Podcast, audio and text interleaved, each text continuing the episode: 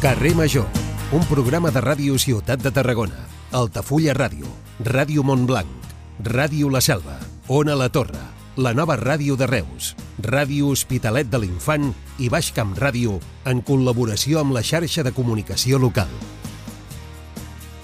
Hola, bona tarda a tothom. Benvinguts a Carrer Major un dia més. El govern i el PSC, Esquerra Republicana i el PSC, han tancat un acord per tirar endavant els pressupostos catalans d'aquest 2024.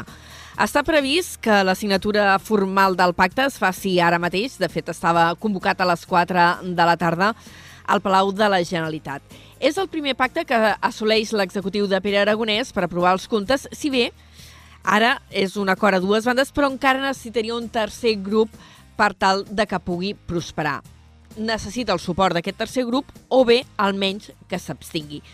El govern eh, confia ara en sumar els comuns i poder aprovar els pressupostos per tercer any consecutiu.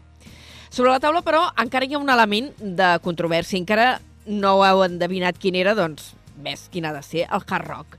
De fet, l'acord no l'esmenta i la vicepresidenta Vilagrà diu que enguany no s'hi destinarà ni un euro.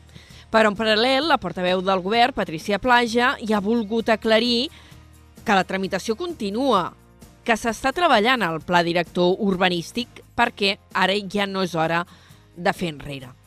Des de la oposició, com acostuma a passar en aquests casos, doncs han començat a ploure crítiques.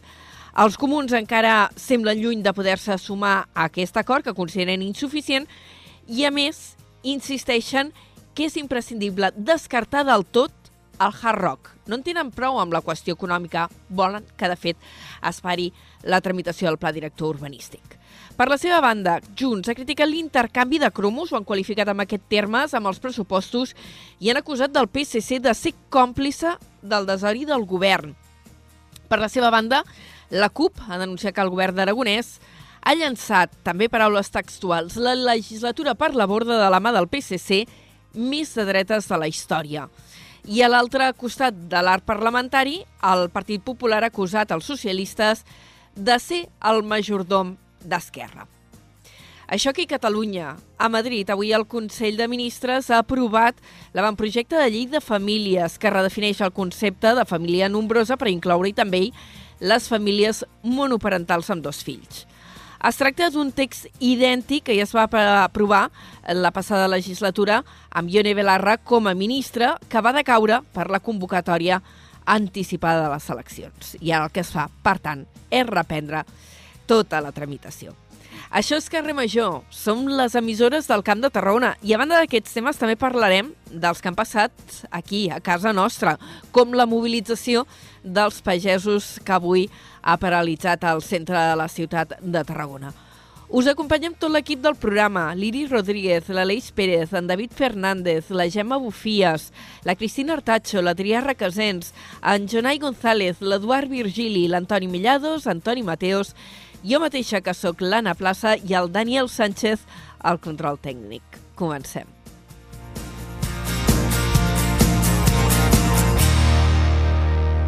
Carrer Major, Anna Plaza i Jonai González.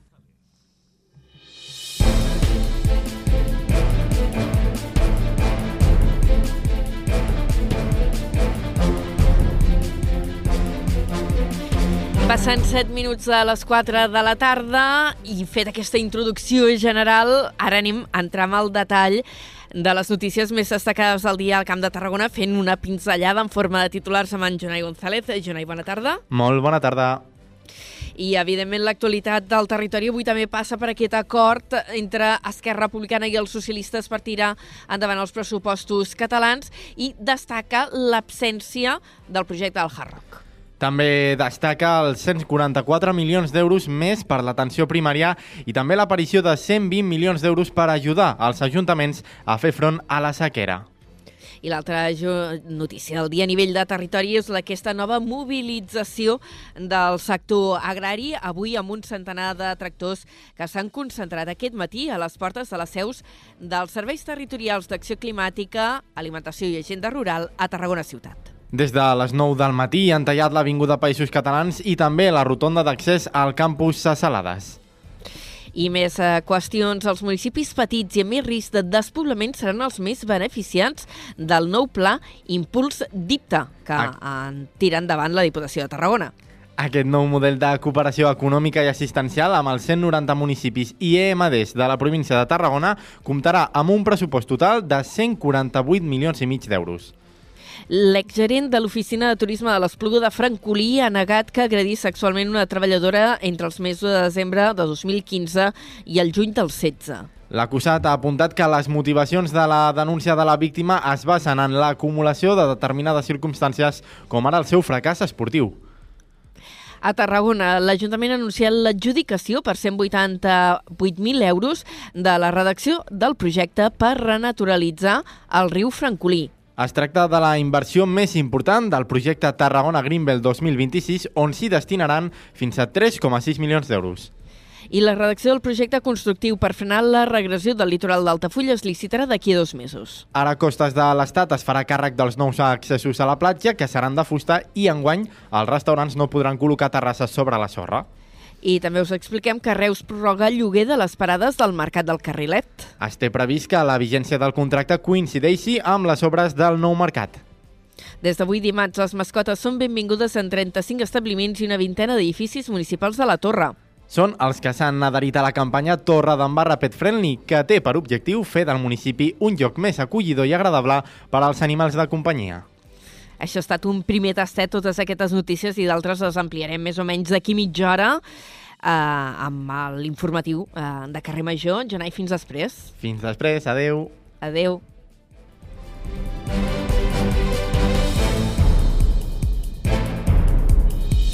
Carrer Major. Toni Mateos.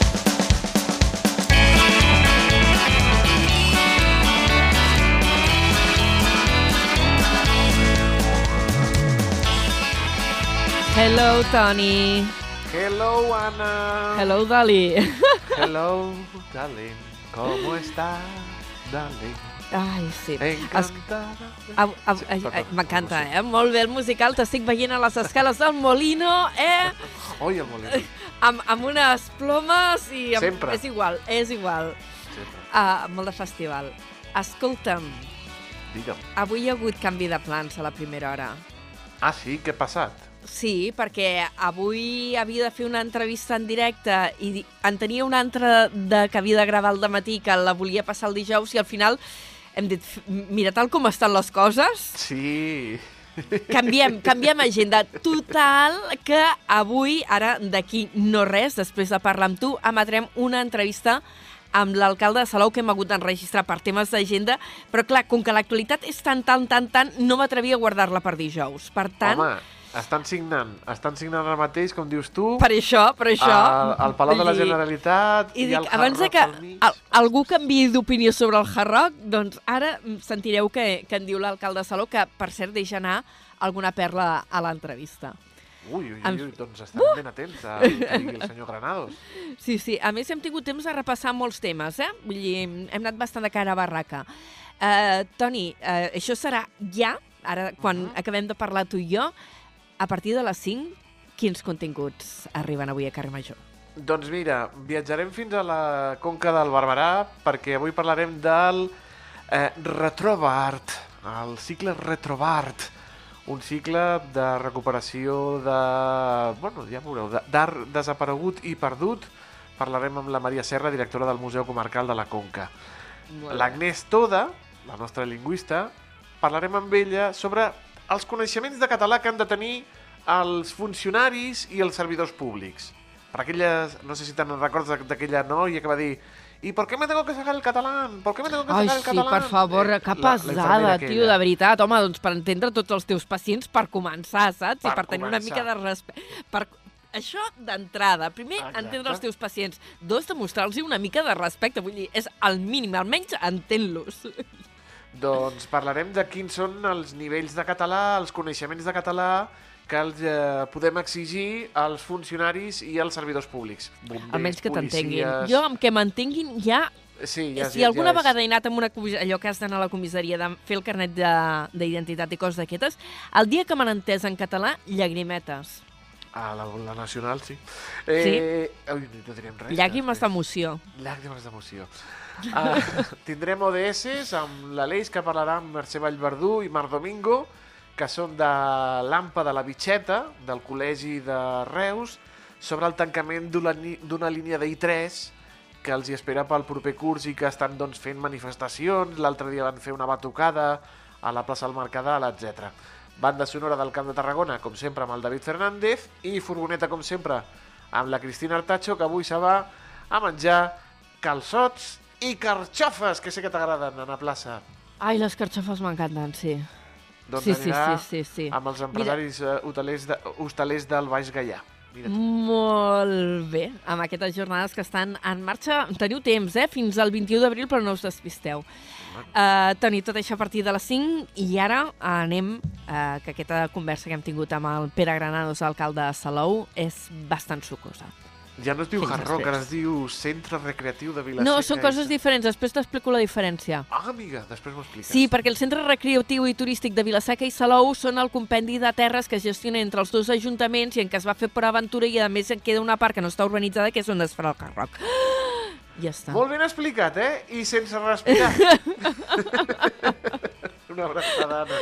Vinga, fins ara, adéu. Fins ara. Cada tarda de dilluns a divendres fem parada a Carrer Major.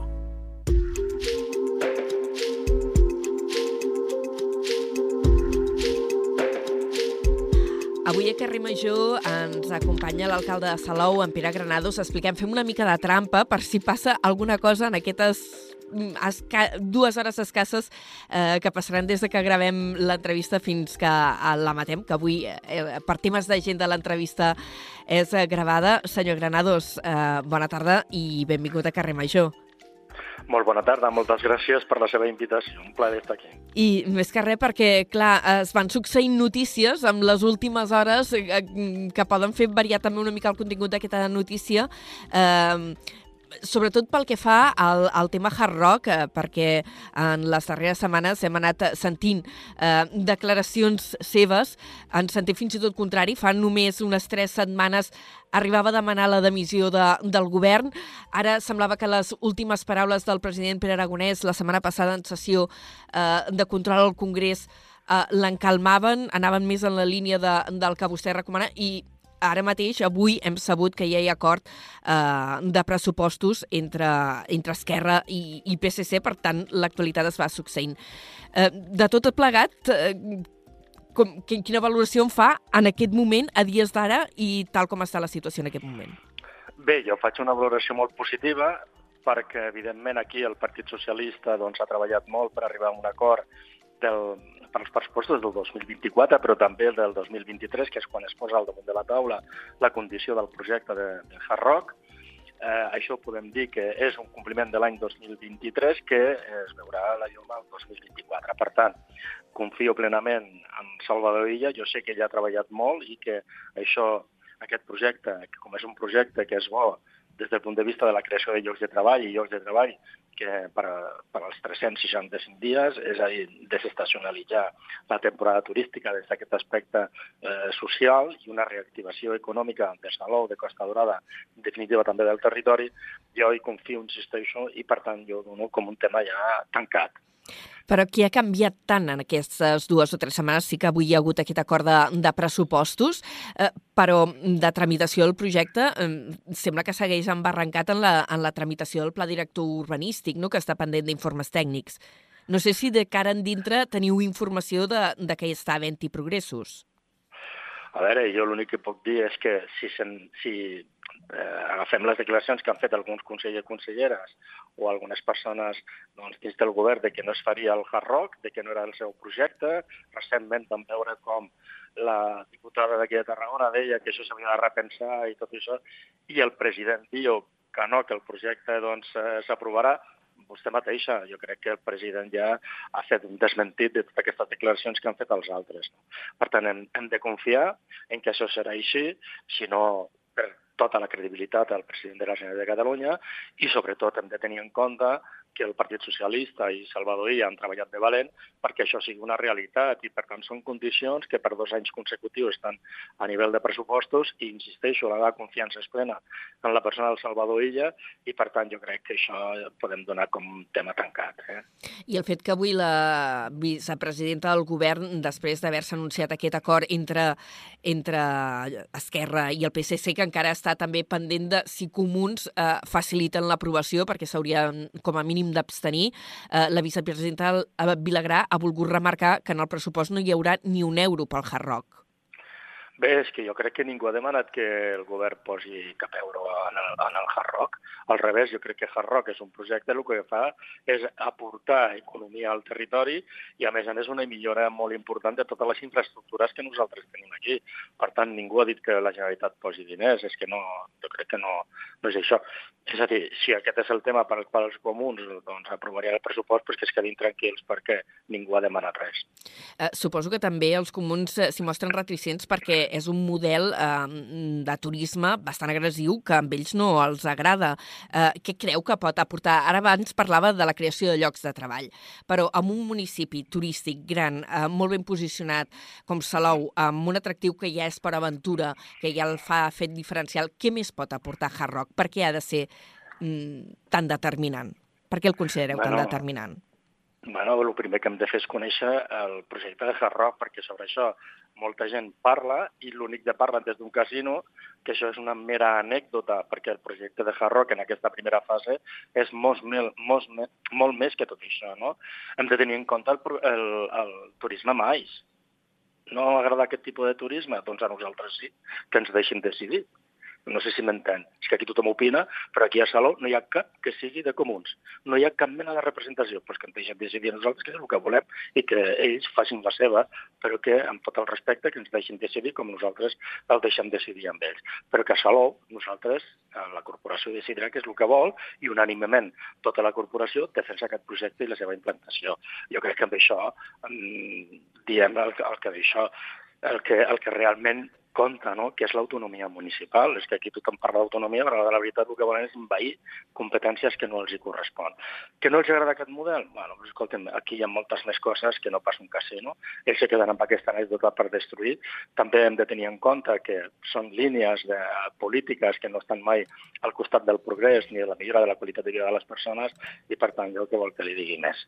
És a dir, és una línia que nosaltres no la compartim, la respectem com a tal, però no la compartim. I creiem, insisteixo, que el que han de fer és deixar als municipis en aquesta autonomia municipal decidir què és el que volem, que per això ens vota la gent. Ells no tenen cap mena de representació a Salou. Eh, S'ha d'aprovar el pla director urbanístic encara. Eh, les darreres informacions que havien sortit és que hi havia alguns informes tècnics que, que, que estaven, per, certa, per dir-ho de certa manera, embarrancats o que hi havia dificultats tècniques. Eh, us mostreu optimistes al respecte, tenint en compte que la justícia ja havia tombat un pla director urbanístic eh, anterior pel tema de la proximitat amb la indústria química? Bueno, bueno, bueno, jo ho diria al revés. La, la sentència, la justícia no va tombar el projecte, al revés, el va avalar. L'únic que va dir que havien de fer unes petites correccions i punt. És a dir, la sentència dictada en relació al Hard Rock que ho van presentar aquesta gent que són antisistema, al final ens dona la raó. No es preocupin que ho farem. El que han de fer els tècnics és no trigar tant de temps perquè la llei, si no recordo malament, com a mínim a l'administració la, local, dona 10 dies de plaç per emetre un informe. Aquí ja portem quasi dos anys. Jo crec que això és molt lamentable com a administració pública, que estem donant una imatge de que som una administració pública, en aquest cas la catalana, que no funciona com hauria de funcionar, gens eficaç. Per tant, que facin els informes que corresponguin perquè els facin bé. Alcalde, hem començat parlant del tema Hard Rock perquè una mica l'actualitat mana, però és que hi ha tants temes que li volíem preguntar. Un és el tema del projecte del tramvia, perquè eh, del tramcamp s'està fent, eh, redactant el projecte constructiu, que de fet havia d'estar acabat eh, aquest primer trimestre de, de 2024, a veure quan el presenten. Eh, vostè havia, o des de l'Ajuntament de Salou, havien manifestat unes certes suspicàcies eh, darrerament eh, pel tema de que hi haurà catenàries, almenys en alguns trams. Eh, n'heu parlat amb el Departament de Territori? Com, com està la situació ara? Sí, sí, eh, no, nosaltres hem parlat i continuarem parlant pel tema aquest, és a dir, en el nucli urbà, que les catenàries no existeixin, perquè si ja dia ens fixem en ciutats que han implantat el tramvia posteriorment al que hi ha a Barcelona, veiem que és un tramvia doncs, molt inclusiu, perquè fins i tot el que no té són barreres físiques perquè la gent, una, o una cadira de rodes o un carret eh, de canalla pugui passar per la, pel carrer com si no existeix cap mena de barrera. I això, l'exemple ho tenim per, a Saragossa. No? I és el que nosaltres volem, una integració total i sobretot que sigui inclusiu i respectuós amb les persones que tenen dificultat de mobilitat eh, perquè puguin passar d'un costat a l'altre sense cap mena d'impediment. I, les, I, evidentment, les catenàries ho són i tots els elements que es volien col·locar ho són. Per tant, estem en contacte amb ells, estem parlant amb ells i nosaltres creiem que això tindrà una solució. No obstant, també és veritat que nosaltres reclamem i reivindiquem que el govern de la Generalitat de Catalunya compleixi amb les seves obligacions. Un conveni de l'any 2013 que deia que en, justament en aquest tram l'havíem d'urbanitzar, finançar-ho amb fons propis de la Generalitat de Catalunya. Està firmat i signat per dos consellers. Per tant, també demanem que paral·lelament doncs, que urbanitzin aquest espai, si no, allà tindrem un desastre en el, en el nucli de la ciutat. Uh, uh, estem parlant de l'espai que quedarà lliure uh, ara que s'estan traient les uh, vies velles uh, d'Adif, les vies de, del tren que tiraven cap a Cambrils, a Tarragona a Cambrils passant per Salou. Uh, com estan aquests treballs de desmantellament? En quina fase... Estan totalment desmantellades. És que és això, com has d'implantar un tramvia en un lloc que és un mar robat sense urbanitzar això? És que seria demencial. Però és que s'ha d'urbanitzar i, a més a més, amb una obligació que té la Generalitat de Catalunya d'un conveni signat el 2013 i d'un decret de l'any 1989. Per tant, és que, clar, el que estem demanant és que, és que el govern compleixi. Res més. És que no l'hauríem ni, de, ni de demanar. Les vegades que nosaltres ens hem reunit amb la Generalitat, els fèiem recordar. Això fa ja molt de temps. Això hauria d'estar fet els governs responsables això ho fan. Però estem parlant també del projecte de, de l'eix cívic o estem parlant d'una urbanització bàsica, no? Perquè l'Ajuntament de Salou teniu aquest eh, projecte, aquesta voluntat eh, de fer eh, una urbanització nova amb, amb un passeig llarg aprofitant aquest eh, traçat vell que ja està desmantellat de la, de la via del tren, que ara, de fet, teníeu obert fins fa molt poc un, un procés participatiu per recollir opinions. Eh, sí. Expliqui'm en quina sí, sí. fase ho tenim tot plegat. Sí, a veure, són dues coses diferents. Una cosa és la urbanització, que la paraula ho diu. Vostè quan vol construir en un lloc, en terreny, doncs el primer que ha de tenir és la urbanització, els carrers fets, el llumenat, és a dir, el que és urbanització. El això, bàsic. Això, això és el que està. És, bueno, vostè el diu bàsic, que veurem si és bàsic o no, és a dir, la urbanització. El projecte d'Eix Cívic, que és una gran avinguda, és una avinguda en la que no volem que hi hagi doncs, eh, vehicles, que volem que estigui el tramvia, un carril bici, zones verdes, etc. És a dir, unes... I també, com no, hi hauria també, aprofitaríem els terrenys, aquells que ens ho permeten, doncs per construir vivenda de protecció, habitatge de protecció oficial, és a dir, desenvolupar una política activa d'habitatge social, no podem desaprofitar els terrenys. Doncs bé, tot plegat, això és una altra fase, que és el que nosaltres tenim aquí en l'exposició pública, que ja està tancada. I ara mm. s'estan estudiant les al·legacions i en vistes a el que nosaltres vam presentar quan ens van presentar les eleccions municipals, que per cert, en totes les taules dels col·legis electorals d'aquest àmbit van guanyar, vam presentar un projecte, doncs jo crec que això democràticament ja queda avalat. No obstant, mirarem a veure aquestes al·legacions i si podem incloure alguna no hi hauria cap problema, però la idea és aquesta, és de fer una gran avinguda pensada en les persones i en la mira de la seva qualitat de vida. Sembla que també parlàveu de la possibilitat de fer un aparcament soterrat en aquest uh, espai. Sí. sí, efectivament. Estem mirant, per això és molt important d'urbanitzar, perquè així d'aquesta manera ja es podria tenir en compte quan s'implanti el tramvia de, el tema de lo que són les estructures que puguin haver sota, etc etc. Mm -hmm. bueno, estem en contacte amb el, amb el departament i a, a veure si d'alguna manera ja podem arribar amb un entesa, amb un acord, però han de complir, han de complir amb el finançament, és molt necessari. Perquè què us han dit fins ara? Bueno, ho estan mirant ho estan mirant. Uh, ara que li preguntava per un aparcament, uh, el que voleu fer o projecteu fer en aquest eix cívic uh, al centre de la ciutat, uh, fa pocs dies també anunciàveu uh, la voluntat de fer un gran aparcament dissuasiu uh, fora ja del que és el nucli urbà per donar servei a la nova estació de Renfe, l'estació de Salou per Aventura. Um, clar, és que un dels problemes grossos de Salou, sobretot a l'estiu, és l'aparcament. Bueno, jo crec que el, no és un problema de Salou, sinó de moltes ciutats, no cal que sigui una, una ciutat turística. Sí que és veritat que nosaltres tenim molt de turisme que arriba amb el seu propi vehicle i el que estem fent és la creació d'aquests aparcaments dissuasoris. Aquest és un, són 200 vehicles, també ens permet renaturalitzar tot un espai perquè hi ha una plantació de prop d'un centenar d'arbres perquè també el que volem és renaturalitzar el nostre municipi i no serà només aquest, sinó que hem anat creant d'altres i continuarem en la creació d'aquests pàrquings per solucionar el tema de l'aparcament, està clar, però també doncs, per descongestionar la nostra ciutat de vehicles, és a dir, eliminar aquesta, aquesta petjada de CO2, que nosaltres el que volem és ser un municipi plenament sostenible i respectuós amb el medi ambient. I per això, quan menys vehicles hagi a la ciutat, millor, i guanyem espais per a les persones pel seu gaudiment amb el que també aconseguim és una desconcentració del flux turístic. No? Però el tema de l'aparcament són, són dos mesos que nosaltres pensem molt en les persones i en la seva qualitat de vida. Primer en els residents i, evidentment, doncs, en els turistes que ens visiten. Si això guanyen tots dos. I aquest gran aparcament quan podria ser una realitat? Perquè no sé si les obres aniran en paral·lel no, a la... Aquesta... Digui'm. No, no, l'aparcament de l'Eix Cívic. No, no, aquest eh, gran aparcament dissuasori... Aquest, aquest estarà, aquest últim? Sí. Perquè tenim, eh, eh, tenim un ja en el que és Pompeu Fabra, que recentment han posat en funcionament, i també ara aquest, abans de Setmana Santa, ja estarà en ple funcionament. És a dir, l'obra està acabada i ara el que es fa és plantar els arbres. I ja sé que aquesta obra, eh, l'altra obra que li preguntaré ara, em dirà això és cosa de DIF, però li volia preguntar també com estan anant les obres eh, de la nova estació de Salou per Aventura, eh, que ha de substituir el baixador que hi havia fins ara. Bé, la veritat és que vam amb un bon ritme. Nosaltres vam passar l'altre dia per allà i, i fa molt de goig, fa molta patxoca, que les coses han de dir com són, no? Doncs nosaltres estem molt contents de tenir aquesta estació, una estació que donarà servei eh, ben aviat, però també hem de pensar que és una estació de futur, perquè pensi que deixen també instal·lat per construir-los en el futur uns, una, unes andanes per tal de que pugui arribar el tren d'alta velocitat a casa nostra. Per què? Perquè és molt senzill. De la mateixa manera que l'aeroport de Reus era una base aèria militar i s'ha transformat en un, en un aeroport civil, és gràcies al turisme.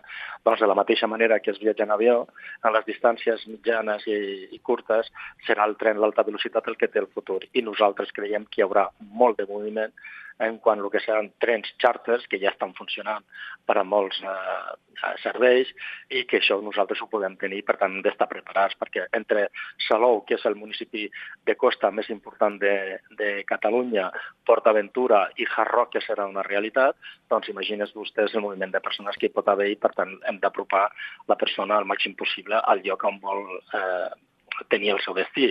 Val? I imaginin vostès aquest nucli turístic que estem parlant és molt, és molt important. Per tant, el tren charter funcionarà i nosaltres ja estem preparats. Uh, D'aquest tema ja en va parlar ara fa un any, quan va dir que volíem plantejar la possibilitat que arribessin trens d'alta velocitat en aquesta nova estació de Salou per Aventura. Clar, a mi se'm planteja però una dificultat tècnica, alcalde, perquè mm, aquesta estació està amb un cul de sac al final d'una línia convencional, via única, que ve de Tarragona i que no està preparada, entenc jo, pel pas de trens d'alta velocitat. Com, com connectem amb la línia de l'AVE? Pues molt senzill. Si vostè agafa el que és el plano del corredor del Mediterrani de l'any 2001, més de fa temps, veurà que està prevista la connexió de dos quilòmetres en el ramal que surt de Tarragona i s'incorpora a l'eix del Mediterrani, perquè encara que sigui una estació eh, tèrmino, eh, és una estació que també és part del corredor del Mediterrani i l'únic que necessitem és estar connectats amb l'eix central i aquests dos quilòmetres és el que ens connectaran i el que estem treballant perquè es faci l'abans possible. Eh, permeti'm que li pregunti per una altra cosa que ens eh, va anunciar de fet aquí amb una, amb una entrevista a Carrer Major, el president del Port de Tarragona, eh, que havien tingut contactes ens va dir que bastant preliminars per parlar de la possibilitat de fer una desaladora a la zona de, de Capçalou, a, a l'antiga pedrera del port. Eh, com ho veuria vostè? Nosaltres ho veiem bé, perquè jo crec que, i, i ho hem denunciat, el problema que tenim aquí a Catalunya és que no s'ha fet una política real i efectiva eh, de l'aigua i, per tant, ara hem d'anar a les desaladores de la comunitat valenciana a començar algun amb vaixells per, per tenir aigua. Això és un error. Per tant, nosaltres ho veiem bé, jo defenso això. Eh, ara, s'han de complir tot un seguit de condicions, que jo crec que és el que estem parlant, i per tant que s'instal·li allà, nosaltres ho veiem bé perquè és un servei que es donarà i una necessitat que tenim. És que s'hauria de fer no només aquí una, sinó que se n'hauria de fer una altra doncs, en diferents punts de costa. I, és a dir, el que és el litoral hauria de tenir diferents, diferents desaladores per abastir no només a la població, sinó fins i tot, escolti'm, per què no podem fer arribar l'aigua desalada a lo que seria el pantà de Riu de Canyes i donar també servei als regants? Aneu parlant més amb el port de Salou, perquè això ens ho... Ai, amb el port de Salou, amb el port de Tarragona, bueno, perquè això ens, el, ens ho parlem va... amb, hem parlat amb el port de Tarragona i també amb la subdelegació del govern. No ens Mhm. oblidem que al final és fomento, no? És a dir, els, la titularitat que tenen dels ports aquí a, a l'estat espanyol és del Ministeri. Per tant, parlem, sí, sí, continuarem parlant. Vam tenir una reunió, és veritat, vam parlar, nosaltres ho veiem bé, ja li dic així, és que és una necessitat. Ojalà n'hi hagi moltes més desaladores en el litoral català. Miri, a Canàries, no Paloma, eh? Escolti'm, no tenen problemes d'aigua com nosaltres. Per què? Perquè tenen desaladores. Alcalde, ens queda poquet temps per, uh, per l'entrevista. Uh, li volia preguntar també si hi haurà guinguetes aquest estiu, perquè ara em sembla que heu hagut d'obrir una segona convocatòria. Què va passar amb el primer concurs? Bueno, pues que es van quedar desertes i, per tant, es torna a presentar un nou, un nou concurs. Guinquetes hi haurà? Sí, tant. Sí, sí, confieu que arribaran ofertes. Sí, perquè hi ha d'altres que estan adjudicades, eh? Val. O sigui, no és, és a dir, no és un segon concurs sobre el total, no. Sobre aquelles que van quedar desertes es torna a obrir el concurs, però ja, ja n'hi han d'adjudicades. I les obres del Barranc de Barenys, que és un dels altres projectes grans, perquè és que en teniu uns quants, eh? de projectes grans que hi ha en marxa, també pendent, m'atreviria a dir gairebé de fa dècades, eh, en aquest cas està executant l'Agència Catalana de l'Aigua per evitar inundacions al barri de la Salut. Com ho teniu? Bé, eh, allò era una reivindicació històrica, com molt bé diu vostè. També estava, era part d'aquell acord que li he fet referència de l'any 2013. Ens ha costat molt fer entendre, en aquest cas, al govern de la Generalitat, encara que sigui a través de l'Agència Catalana de l'Aigua, que tenien l'obligació de finançar, solucionar aquest problema i finançar aquest projecte, i estan amb això, i jo crec que el 2025 estarà acabat ja plenament. Mhm. Per tant, estem molt contents de veure que evitem les inundacions del barri de la Salut, que això era ja una situació insostenible, no? i jo crec que estem contents. És que Salou, abans deia vostè, tenim molts projectes, que Salou som un municipi molt actiu, hi ha un ajuntament que no para de treballar i un alcalde que impulsa moltes coses. I, escolti'm, perdoni que ho digui així, però per això tenim tantes coses, no? També hi ha, parlant d'unes altres de les obres, això sí que entenc que suposarà un canvi bastant important el que és la, la part més turística del municipi, que són les obres que s'estan fent o que havien començat, em sembla, aquesta tardor, finals de la tardor, al carrer Carles Buigas, que és un dels centres neuràlgics de l'activitat nocturna salouenca. Eh, clar, també és una artèria principal de circulació. Com es converteix en peatonal un carrer així? A veure, jo més que nocturna, perquè queden, és veritat que queda tot un seguit d'establiments allà, però són molt poquets, eh? malauradament, d'aquí dic així, perquè jo crec que oci nocturn hi ha d'haver Home, tot jo arreu. havia sortit de festa per allà quan era més jove. no sé, Ah, ara ho ha dit, no quan sé si... Quan era, clar, potser han canviat les coses, ara ja com que no Sí. surto de nit. Sí, vale. O sigui, és una zona és una zona molt turística, és el lloc on més hotels tenim nosaltres allà ubicats i és l'eix vertebrador, el, el carrer Carles Vegas. La primera fase ho van fer i ja és de vianants i ha guanyat moltíssim perquè eh, les persones el que van allà és a passejar i de fet també els comerços han guanyat molt com també la restauració perquè ja eh, gaudeixen quan passegen doncs, de la compra, de prendre alguna cosa, de dinar o sopar, etc etc. És a dir, era en la estratègia que nosaltres tenim marcades, que quan hem parlat de, dels eh, estacionaments o aparcaments dissuasoris, aquí també passa això, la peatonalització d'espais per guanyar les persones i desconcentrar el flux turístic. I ara estem en aquesta segona fase. Com ja tenim l'experiència de la primera, funcionarà perfectament, funcionarà perfectament aquesta segona fase perquè serà un gran eix que està dedicat a les persones i a la seva qualitat de vida, tant als visitants passejant com també als residents. Uh, permeti'm que li, pre li plantegi una darrera qüestió, alcalde, que és el tema de la regulació mm, dels pisos d'ús turístic. Uh -huh. uh, quan el, el govern va anunciar com ho plantejaven a través d'un decret, uh, des de l'Ajuntament de Salou s'hi va manifestar obertament en contra.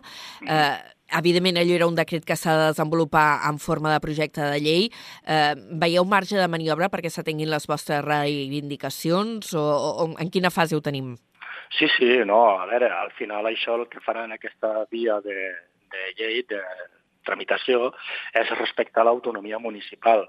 És a dir, qui millor coneix la seva realitat som els municipis, no?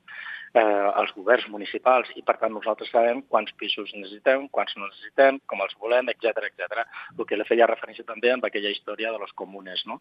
Doncs bé, aquí passa exactament igual, i al final ha quedat que prevaleix l'autonomia municipal. És a dir, nosaltres ja sabem com regular-nos. Però, a més a més, és que aquest decret es carregava tota una economia d'un model turístic, de gent que vol anar a l'apartament i que no vol anar a l'hotel. Escolta'm, no tothom vol estar eh, doncs, amb un menjador amb 300, 200, 400 persones, sinó que volen tenir la seva intimitat. Val? I és el que nosaltres hem procurat. Però també li diré una altra cosa. Carregar-se aquesta economia en pobles petits era demencial, perquè hi ha pobles de costa o d'interior que són municipis turístics perquè volen tenir turisme, perquè no tenen infraestructura hotelera i si no els deixaven a l'apartament turístic, doncs evidentment se la carregaven. Jo us ho dic perquè aquí vam crear, bueno, vam fomentar una plataforma sí. i, i també eh, al final es va redactar entre tots, es va redactar un, un manifest i molta gent de pobles petits m'ho va dir, diu, és que nosaltres ens hem adherit perquè entenem que és que se carregaven la nostra economia perquè no tenien infraestructura hotelera. I, per tant, jo crec que era un, un decret poc reflexionat, perquè si hagués estat reflexionat s'hagués escoltat, en aquest cas, els municipis turístics i els importants, com és, en aquest cas, eh, Salou, i tenia en compte les característiques particulars de cada municipi que no ho tenia. I el millor que hi ha en aquest cas és, escolti'm, eh, autonomia municipal, siguin vostès que ho decideixen. Que s'ha de regular? Sí, però no en, la forma en què ho feia el decret. S'ha de regular com s'ha d'exercir aquesta activitat de l'apartament turístic, com qualsevol altra activitat que es fa des d'una perruqueria fins a el que seria un restaurant. Això és el que hem de fer. Però dir-nos si nosaltres hem de tenir 3.000, 4.000, 2.000 o no tenir-ne tot això no els hi correspon a ningú, només que al propi municipi. I les dificultats d'accés a l'habitatge, perquè això és un problema bastant general, alcalde, i entenc que en un municipi com Salou potser també, i més i tot. Bueno, però és que això sempre és buscar el culpable d'una cosa perquè no s'han fet els deures. Miri, la culpa no és dels turistes, el fet de que no hi hagi una política social d'habitatge real i efectiva, com jo li he dit que farem nosaltres aquí. El problema és que el govern, en aquest cas, no ha fet els deures i, per tant, no ha fet tot un parc d'habitatge com, a, com n'hi ha en altres eh, països i en altres ciutats. I això és el que solventa. No prohibir o no estigmatitzar a una economia o a un turisme. Això és un error molt greu. És enfrontar, és enfrontar les activitats i és enfrontar a les persones. El que han de fer és crear molt d'habitatge públic i de lloguer. I li diré més, tenir en compte el preu del lloguer als ingressos que tenen les persones o les famílies per poder fixar el preu. Seria adaptat als seus guanys. I això és el que ha de fer el govern. I això és el que no s'ha fet. Per tant, la culpa no és i la solució no ve per aquest tema. Alcalde, ho haurem de deixar aquí perquè sabem que vostè té l'agenda molt apretada i em dic que avui aquesta entrevista l'hem enregistrat perquè era impossible de fer-la a l'hora del directe del programa, eh, però li agraïm moltíssim que ens hagi dedicat aquesta estona i nosaltres ara anem a fer explicar notícies. Li agraïm molt un plaer estar amb vosaltres i el dia que vulguem torno a invitar que veritablement doncs, serà un plaer de poder tenir aquesta entrevista i comunicar amb vostè i amb, i amb les persones que ens estan sentint. Jo crec que és bo també escoltar les opinions de tothom. Gràcies, alcalde. Adéu-siau. Fins la pròxima. A vostès, gràcies. Molt bona tarda. Tot el que passa al Camp de Tarragona t'ho expliquem a Carrer Major.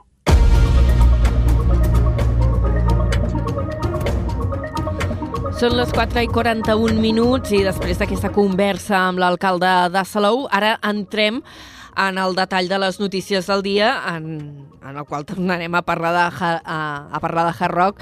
Eh, Jonai González, bona tarda de nou. Molt bona tarda de nou i tornarem a parlar de Hard Rock perquè Esquerra Republicana i el PSC han arribat avui. Eh, de fet, l'acord es tancava el dilluns eh, al vespre, però s'ha anunciat avui i es formalitza ara aquesta tarda sobre els pressupostos de la Generalitat que sobre el Hard Rock no inclou canvis significatius del que ja s'estava fent. El pacte que s'ha rubricat fa poca estona al Palau de la Generalitat contempla 114 milions d'euros més per destinar a atenció primària, també més recursos per a educació i 120 milions en ajuts als municipis per fer front a la sequera. No especifica res, però, sobre el Hard Rock, que ha estat al mig del debat durant tota la negociació. Des del govern, dos missatges al respecte. La portaveu Patricia Plaja ha explicat que la tramitació del pla director urbanístic continua endavant, perquè per molt que el projecte no sigui del gust del govern, no la poden paralitzar. Uh, poc més a dir, si els comuns eh, no volen aprovar aquests pressupostos tan alts, tan expansius i tan socials, hauran d'explicar molt bé per què. I, I, evidentment, la posició de tots és molt respectable, però però no poden dir que és pel Hard Rock, perquè el Hard Rock eh, no hi és en aquests pressupostos. Tots els anys anteriors en el que han donat suport als pressupostos, aquesta figura del Hard Rock era allà mateix on és ara. Per la seva banda, la vicepresidenta del govern, Laura Vilagrà, ha volgut deixar clar que si bé la tramitació del PDU continua endavant, no hi ha cap partida en els pressupostos per al Hard Rock. Efectivament, en aquest pressupost de l'any 2024 no hi ha ni un euro destinat al Hard Rock. En aquest sentit, el Hard Rock segueix la seva tramitació urbanística, ambiental i no hi ha res més a afegir en aquest moment, simplement el que ja hem explicat fins ara. És el primer pacte que assoleix l'executiu per aprovar els comptes, si bé encara necessita un tercer grup que hi doni suport o s'hi abstingui. Els comuns, però, encara semblen lluny de sumar-se a aquest acord que consideren insuficient. A més, la líder dels comuns, Jessica Albiach, ha dit que per a ells és imprescindible que el Hard Rock es descarti del tot. Estem on estàvem, que és situant des d'un primer moment una qüestió de mínims, com és que no s'aprove el PDU del Hard Rock, descartar aquest macroprojecte o aquesta macro, macrobarbaritat i, i per tant nosaltres una vegada es descarta això sí que amb ganes de negociar temes, com hem dit, de salut, d'educació, d'habitatge i de transició justa. En l'acord de pressupostos entre Esquerra Republicana i PSC hi destaquen, com dèiem, 144 milions d'euros més per a l'atenció primària i 120 per ajuts als municipis per la sequera. També destaca l'increment d'un 10% en la partida d'educació. En l'àmbit de l'habitatge, govern i socialistes han acordat que durant el 2024 s'incorpori 4.000 habitatges nous al Parc de Lloguer Social de Catalunya perquè entre el 2023 i el 2026 s'arribi als 10.000. I aquesta és la notícia a nivell general, també evidentment amb repercussió al nostre territori, eh, però més enllà d'això, també és notícia avui la manifestació que han protagonitzat de nou els pagesos, en aquest cas bloquejant la ciutat de Tarragona. Un centenar de tractors s'han concentrat aquest matí d'entrada, i per començar, a les portes dels serveis territorials d'acció climàtica, alimentació i agenda rural. La mobilització ha començat des de les 9 del matí, on han tallat l'Avinguda Països Catalans i la rotonda d'accés al campus a Salades. Ens ho amplia des de Ràdio Ciutat de Tarragona la Cristina Artacho. Els pagesos han arribat en dues columnes provinents de diversos punts de la província, com Reus, la Selva del Camp, Cambrils i les Terres de l'Ebre. A tres quarts d'onze, representants de Plataforma Pagesa han llegit el manifest amb les reivindicacions i l'han lliurat a l'interior dels serveis territorials. També s'ha produït una pluja d'ous, tomàquets i pintura contra la façana de l'edifici i contra el cordó de Mossos que els impedia l'entrada. El portaveu de la plataforma pagesa al Camp de Tarragona, Eduard Escolà, ha detallat les principals reivindicacions. Són el, es van abordar tres punts eh, claus, que són els de la reducció de la burocràcia, eh, els ajuts per la, per la sequera i els ajuts de, bueno, els temes relacionats amb la, amb la PAC. A partir de les 12 del migdia, les protestes s'han traslladat al centre de Tarragona, a la plaça Imperial Tàrraco, davant la subdelegació del govern, on els pagesos també han tirat ous i tomàquets a la façana. S'espera que la protesta s'allargui diverses hores. Gràcies a, a Cristina per aquesta crònica. I avui també hem sabut que els municipis petits i amb més risc de despoblament, de despoblament seran d'entrada els més beneficiats pel nou pla Impuls Dipte que tira endavant la Diputació de Tarragona. Aquest nou model de cooperació econòmica i assistencial amb els 190 municipis IEM des de la província de Tarragona comptarà amb un pressupost total de 148 milions i mig d'euros. Ens ho amplia des de Radio Ciutat de Tarragona la Cristina Artacho. Els criteris que regiran la distribució de recursos del Pla Impuls Dipte són el nombre d'habitants, la densitat, el nombre de nuclis de població dels municipis, la superfície total del terme municipal, el despoblament i un criteri de compensació per tal d'assegurar que els beneficis del pla impactin de forma equitativa educativa a tots els municipis. Segons ha explicat la presidenta de la Diputació, Noemí Llaurador, el 87% dels recursos aniran destinats a municipis de menys de 10.000 habitants, fet que generarà una discriminació positiva i necessària per garantir l'equitat territorial. El 87% del pressupost, per tant, pràcticament el 90% del pla Impuls Dipte es destinarà a municipis de menys de 10.000 habitants, que representen 175 dels 190 municipis i entitats municipals descentralitzades de la nostra demarcació. Això, insisteixo, comporta una discriminació positiva, però l'entenem necessària per tal de garantir aquesta equitat territorial que tenim l'obligació i voluntat de perseguir. El nou pla Impuls Dipte dota els municipis de recursos econòmics per tirar endavant projectes rellevants per al municipi, però també estableix àmbits d'actuació obligatoris. Cada municipi haurà de destinar com a mínim el 5% dels recursos que li hagin estat atorgats en matèria de cultura i interès ciutadà, el 10% a salut pública i el 15% a actuacions per a la transició ecològica. El Tribunal Constitucional ha admès a tràmit un recurs del Partit Popular contra el decret que obliga els pisos turístics de més de 200 municipis catalans a tenir llicència prèvia. Són les localitats que tenen problemes per accedir a un habitatge permanent o que ja tenen més de 5 pisos turístics per cada 100 habitants. El tribunal ha acordat traslladar la demanda i els documents al Congrés, al Senat, al govern espanyol, al Parlament i a la Generalitat perquè puguin personar-se en el procés i presentar al·legacions. En el seu recurs, el Partit Popular argumenta que la normativa no hauria de tramitar com a decret llei i que, a més, vulnera el dret a la propietat. També denuncia una invasió de la competència estatal i la vulneració dels principis d'igualtat i de seguretat jurídica de la Constitució.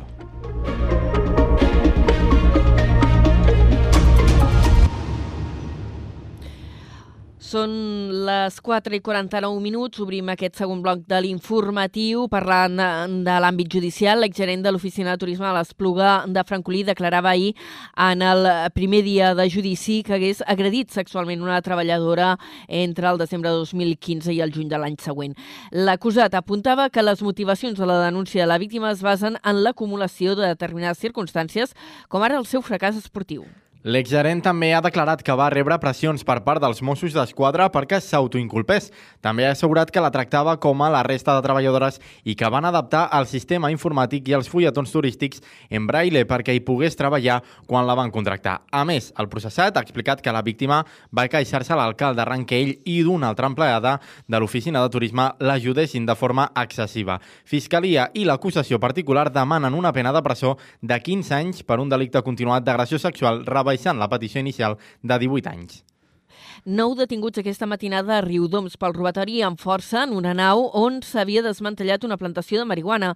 Els Mossos i la Guàrdia Municipal van suspendre de matinada els arrestats que sumen més de 40 antecedents policials. Els homes d'entre 18 i 44 anys haurien intentat accedir a la nau, però els agents van observar un vehicle estacionat i preparat per carregar ferralla, cablatge i altre material. Ja a l'interior, els cossos policials van comprovar que havien forçat la porta principal amb una pota de cabra i van trobar les nou persones amb passamuntanyes i llanternes. L'actuació va evitar que els lladres s'emportessin el material emmagatzemat. Està previst que els detinguts passin a disposició del jutjat d'instrucció de Reus durant les pròximes hores.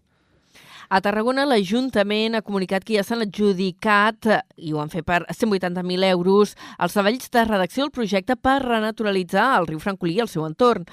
Aquest eh, projecte el redactarà l'empresa Engistic Solutions i Consulting SL, que disposarà de 7 mesos per tenir-lo llest. La renaturalització del riu Francolí i el seu pas per Tarragona és la inversió més important del projecte Tarragona Greenbelt 2026, on s'hi destinaran 3,6 milions d'euros en finançament dels fons Next Generation. El projecte haurà de contemplar actuacions als marges i la gera del riu per facilitar la seva dinàmica i també haurà de tenir en compte l'eliminació d'espècies invasores i la recuperació de la vegetació autòctona de les riberes fluvials mediterrànies. La redacció del projecte constructiu per frenar la regressió del litoral d'Altafulla es licitarà d'aquí a dos mesos. Ara, Costes de l'Estat es farà càrrec dels nous accessos a la platja que seran de fusta i enguany els restaurants no podran col·locar terrasses sobre la sorra. Ens n'amplia la informació des d'Altafulla Ràdio, l'Eduard Virgili. El Servei Provincial de Costes de l'Estat ha confirmat aquest dimarts en una visita a Altafulla que ja ha enviat a Madrid el plec de condicions per licitar el projecte constructiu de la solució estructural que ha de donar resposta a la problemàtica que pateix el litoral altafullenc. Antoni Espanya, cap de Costes a Tarragona, ha explicat que la previsió és que la redacció del projecte es liciti d'aquí a dos mesos. Aleshores, qui guanyi el concurs haurà de desenvolupar un estudi de dinàmica del litoral d'Altafulla i aportar solucions constructives. Les consensuarem amb l'Ajuntament i tant poden implicar eh, la part marítima, com la part de platja, com la part del passeig, com la part de vora mar. Aquest projecte se redactarà, se donarà mm, forma definitiva i començarà la tramitació ambiental. Tot això pot durar al voltant de dos anys i finalment ja, quan aquest tràmit s'hagi acabat, sortirà a licitació l'obra. A la trobada d'aquest dimarts també ha pres part Costes del Departament de Territori de la Generalitat, que ha traslladat a l'Ajuntament que aquest estiu concedirà una ampliació del 40% en amplada a les terrasses de damunt del passeig, però que per la perillositat que representa no autoritzarà tarimes sobre l'escollera recentment reformada. I ben a prop d'Altafulla, el govern ha protegit, el govern català, l'entorn de les pintures rupestres dels abrics de l'apotecari de Tarragona. Aquestes pintures formen part del conjunt declarat bé cultural d'interès nacional i també patrimoni mundial per la UNESCO. Aquest jaciment està situat a la zona interior de Tamarit, a la punta de la Mora, i està format per tres abrics. Amb el nou nivell de protecció que ha aprovat avui la Generalitat, es vol garantir la preservació de l'entorn d'aquests jaciments per tal que no es vegin afectats. Anem ara cap a Reus, on l'Ajuntament ha prorrogat el lloguer de les parades del Mercat del Carrilet. Es té previst que la vigència del contracte coincideixi amb les obres del nou mercat. Ens ho amplia des de la nova ràdio de Reus, la Laura Navarro. L'Ajuntament de Reus renova el lloguer dels paradistes del Mercat del Carrilet sense la necessitat de realitzar cap tràmit administratiu. La vigència de la pròrroga coincidirà amb l'inici de les obres del nou Mercat del Carrilet. Ho explica Sandra Guaita, alcaldessa de Reus. Una cosa que els hi preocupava molt a les paradistes era eh, si es podien quedar amb aquest mercat del carrilet fins que es comencin les obres pel tema dels contractes de lloguer que tenen vigents fins al mes de juny d'aquest 2024 i treballant amb els serveis tècnics de la casa eh, els hi hem comunicat avui que les paradistes es poden quedar amb el contracte de lloguer sine die fins que comencin les obres justament del, del nou mercat del carrilet el govern de Reus ha donat un missatge de seguretat i tranquil·litat als paradistes i per dinamitzar l'espai els ha proposat una programació d'accions com tallers, show cookings, exposicions o lectures de contes. També els han traslladat que els paradistes estaran informats tant dels avenços dels treballs del projecte de la transformació del mercat com del projecte de transformació urbanística que permetrà potenciar la zona de la ciutat i convertir el carrilet en un nou pol d'atracció al sud de Reus. I us expliquem ara una notícia relacionada amb el benestar dimarts. Des d'avui dimarts, eh, les, amb el benestar animal, volíem dir. Des d'avui dimarts, les mascotes són benvingudes en 35 establiments i una vintena d'edificis municipals de Torre d'Embarra. Són els que s'han adherit a la campanya Torre d'Embarra Pet Friendly, que té per objectiu fer del municipi un lloc més acollidor i agradable per als animals de companyia. Ens ho amplia des d'Ona la Torre en Josep Sánchez. Entre els comerços que s'han adherit a la campanya hi ha botigues de roba, calçat, carnisseries, objectes de la llar, arboristeries o bars i restaurants, entre altres. Molts d'aquests comerços ja permetien l'accés dels animals, però ara s'ha creat un adhesiu per visibilitzar-ho. Paral·lelament, l'Ajuntament també ha habilitat una vintena de dependències municipals on es podrà accedir amb gossos, gats i fures. Un dels establiments que s'ha adherit a la campanya és la botiga de roba Alicia, al carrer Pere Badia.